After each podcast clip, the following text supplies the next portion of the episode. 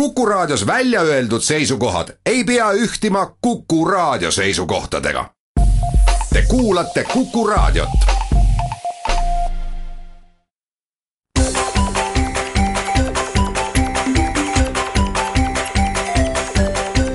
maksumaksja koostöös Eesti Maksumaksjate Liiduga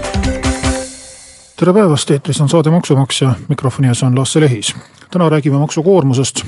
Nimelt Maksumaksjate Liidul on selline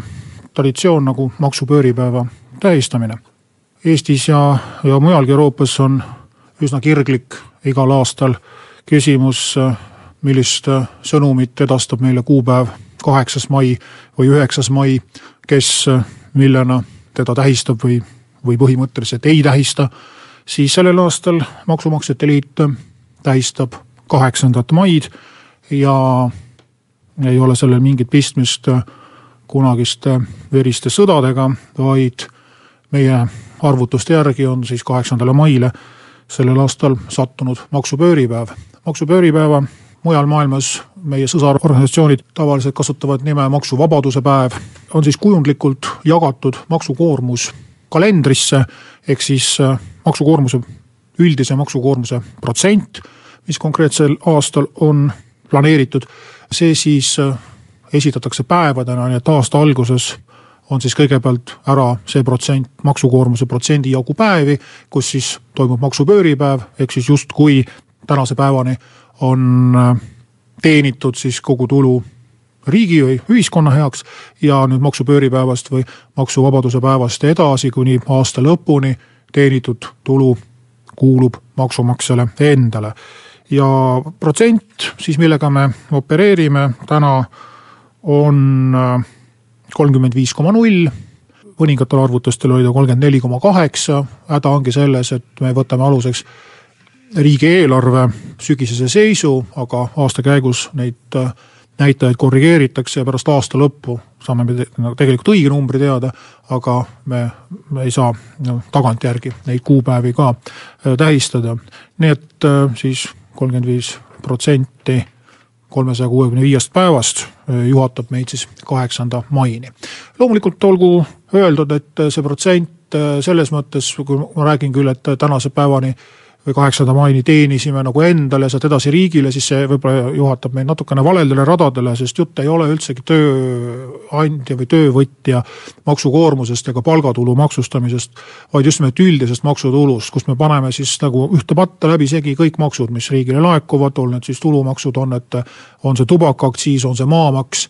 mida me oma palgaga nagu otseselt ei saa seostada ja teiselt poolt siis võtame siis ka mitte oma töised sissetulekud, vaid sellise näitaja nagu sisemajanduse kogutoodang ja võrdleme siis neid kahte näitajat omavahel. nii et see on selline kõrgem matemaatika, millest tavaline tööinimene üldiselt ei, suurt midagi aru ei saa ja ei peagi aru saama, ehk siis nii-öelda leiva peale seda SKP-d keegi, keegi ei pane ja, ja seda maksukoormuse protsenti süüa ei sünni aga milleks me neid protsente siis arvutame ja võrdleme, noh, ongi ikkagi eelkõige see, et mida ka siin ajakirjanduses äh, on tehtud, et kuidas see siis aastate jooksul kõigub, mis näitab ka võib-olla valitsuste poliitikaid ja Eesti üldist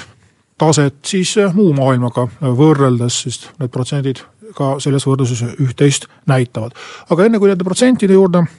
jõuda, siis äh, räägiks ka sellest, mismoodi Maksumaksjate Liit seda maksupööripäeva tähistab, et ega mingisuguseid erilisi, erilisi paraade ja vastuvõtte me loomulikult ei korralda, piirdumegi tavaliselt ühe artikliga, mõnikord pressiteatega, raadiosaatega, aga olgu siis meenutatud, et mõned head aastad tagasi tõepoolest teatud rituaalid meil olid, nimelt siis alates aastast tuhat üheksasada üheksakümmend üheksa, peaaegu kümme aastat järjest kuni aastani kaks tuhat kaheksa oli selline meeldiv traditsioon et äh, Maksumaksjate Liidu delegatsioon läks külla rahandusministrile ja äh, iga aasta tehti siis äh, uus selline sümboolne meene, mis oli siis Eesti krooni mündi kujuline graveeritud taldrik, kus oli siis see münt siis nagu pooleks murtud, see siis see maksukoormuse nii-öelda ära lõigatav või ära hammustatud osa oli välja joonistatud. Ja, ja neid meeneid all ministri kabinetis laua peal oli, oli päris uhkelt reas. Ja noh, loomulikult tegemist oli sellise viisakusavaldusega, et ei saa nüüd öelda, et nende kohtumiste käigus oleks nüüd mingisuguseid paikapanevaid maksureforme kokku lepitud või, või meil oleks Maksumaksjate Liidu poolt olnud mingeid väga säravaid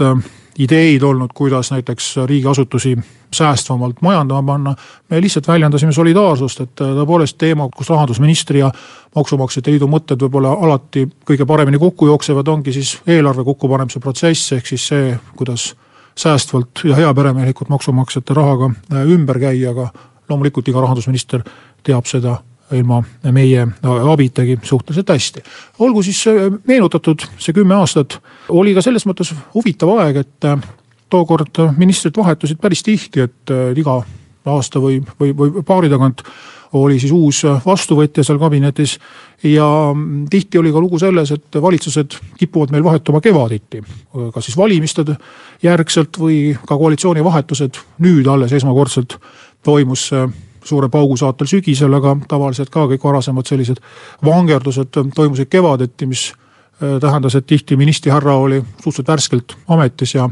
ja äh, vaatas äh, mõnikord ka niimoodi üsna uudishimuliku pilguga ringi, kes need sellised on ja mida nad tahavad. turgutuseks muidugi ministri kõrval kõik need kümme aastat ja praegugi istuvad staažikad ametnikud, et kui ka vanu fotosid meie kodulehelt vaadata, siis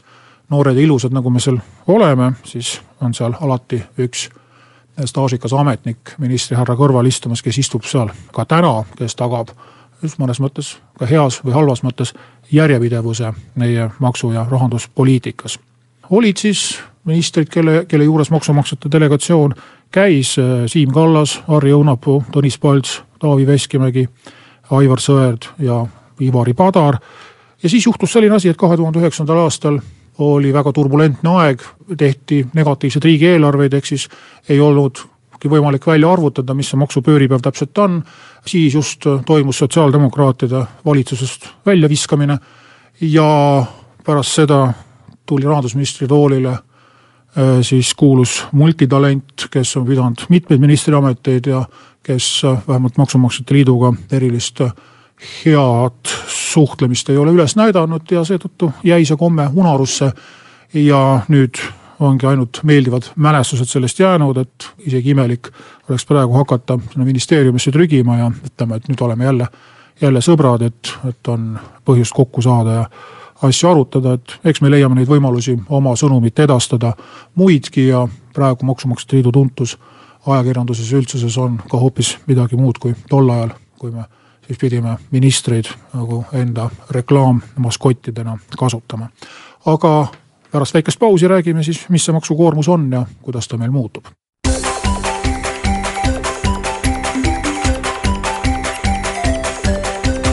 maksumaksja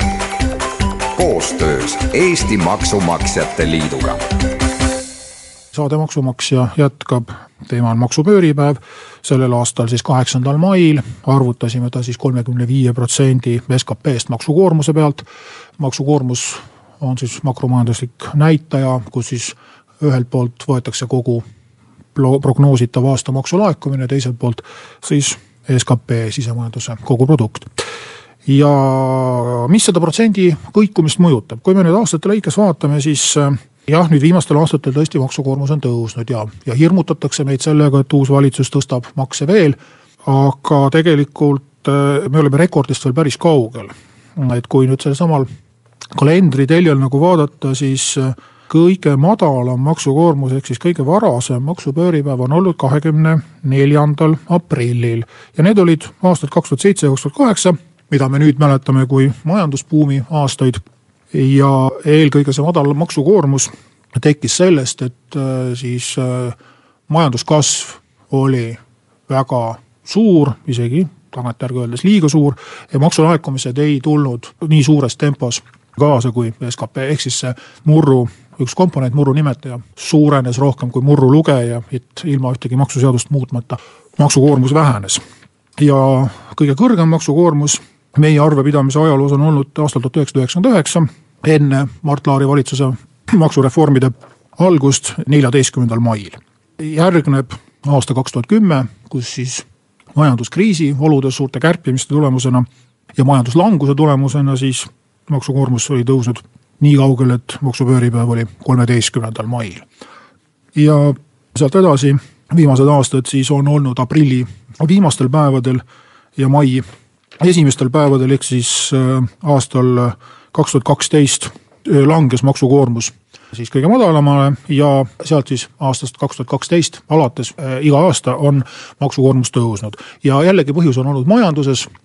ehk siis viimastel aastatel on olnud äh, suur palgakasv, suur tarbimise kasv, ehk siis äh, töötasult ja tarbimiselt laekuvad maksud on kasvanud rohkem, kui äh, üldine majanduskasv on olnud ja seetõttu siis maksukoormus on suurenenud. teine asi on see, et on kogu, maksude kogumine läinud paremaks, seda keegi ei vaidlusta, et viimastel aastatel on ka selle tulemusena maksukoormus kasvanud et jällegi, maksuseadusi ei ole muudetud, makse otseselt ei ole tõstetud, aga maksude laekumine on kasvanud, see tähendab seda, et raha, mis jäi varem ettevõtete või eraisikute kätte, küll ebaseaduslikult,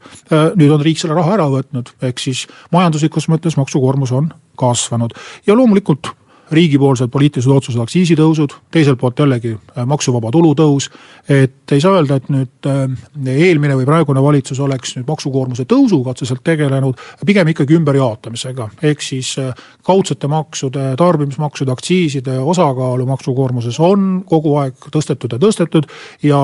tulumaksu osa jällegi vähendatud. aga tegelikult on veel selliseid võib-olla isegi naljakaid asjaolusid, mis on maksukoormuse näitajat mõjutanud, näiteks äh, skp arvutamise metoodika.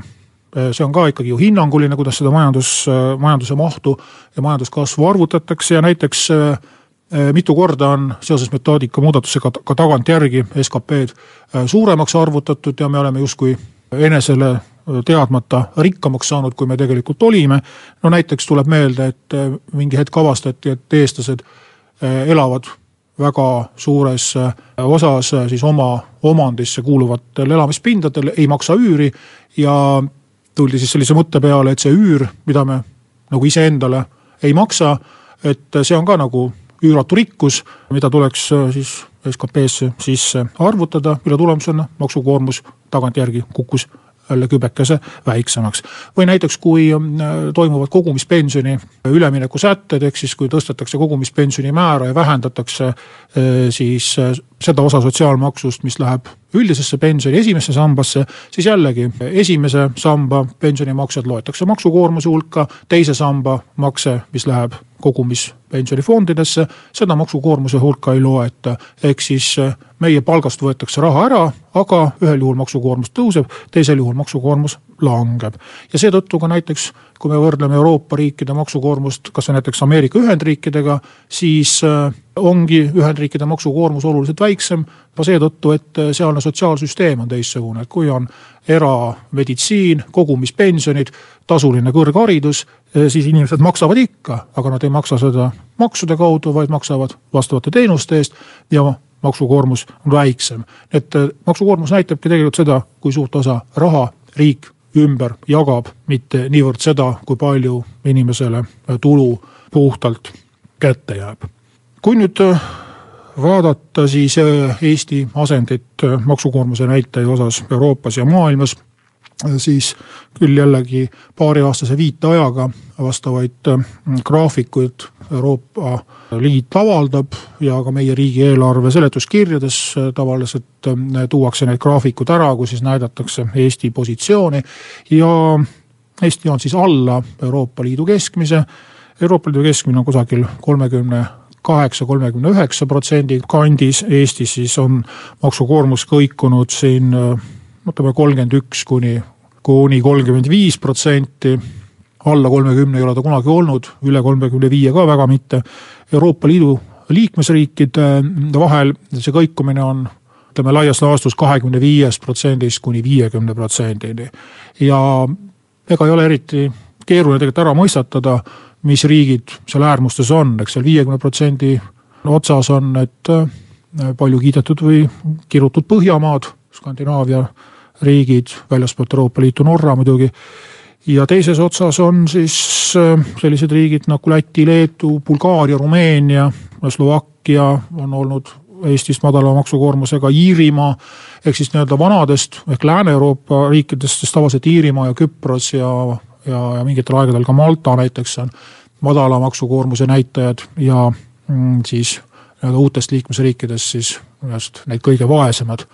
kipuvad ka kõige madalama maksukoormusega olema. ja väljaspoolt Euroopa Liitu siis Norra on näide siis kõrge maksukoormusega riigist ja Šveits, ka rikas riik, jällegi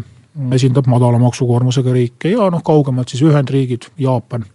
siis ka Euroopa Liidust madalama maksukoormusega kui nüüd mõelda, mida tulevikus toob, siis nagu öeldud sai, siis uue valitsuse poole vaadatakse selliste murelike pilkudega, siis jällegi praegu on ju olukord selline, et see äh, maksuleevendus, mis äh, maksukoormust küllaltki oluliselt vähendab, on praegusel hetkel juba kippunud ära ununema, sellepärast et viiesaja eurone maksuvaba tulu, mis meil aastal kaks tuhat kaheksateist tuleb, on ära otsustatud juba ja praegu me räägime kõikidest nendest uutest pandimaksudest ja tondimaksudest, mis ütleme oma suurusjärgult noh, ei saa öelda, et see peenraha on, siin ikkagi loetakse kümneid miljoneid, aga selle viiesaja eurose maksuvaba tulu kõrval üksikuna võttes kõik need maksutõusud muidugi ei ole võrreldavad kokku, loomulikult enam-vähem on tegemist nulliringiga ja omaette küsimus on see, et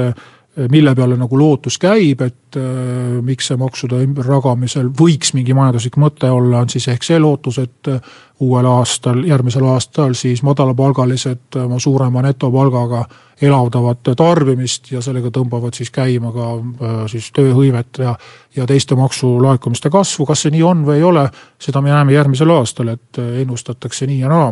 aga eks siis äh, tagantjärgi tarkus alati on ju see kõige suurem tarkus. praegu olukord on selline, nagu ta on, igatahes lähematel aastatel märgid näitavad, et maksupööripäeva tähistamine samm-sammult siis paari päeva kaupu liigub siis aina rohkem jaanipäevale lähemale, ehk siis võib-olla mai keskpaigani võib ta ehk jõuda ja siis jälle igale tõusule tavaliselt järgneb langus selline teema siis täna, tänan kuulamast, kohtume järgmisel nädalal.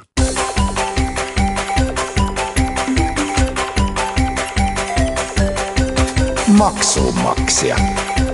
Koostöös Eesti Maksumaksjate Liiduga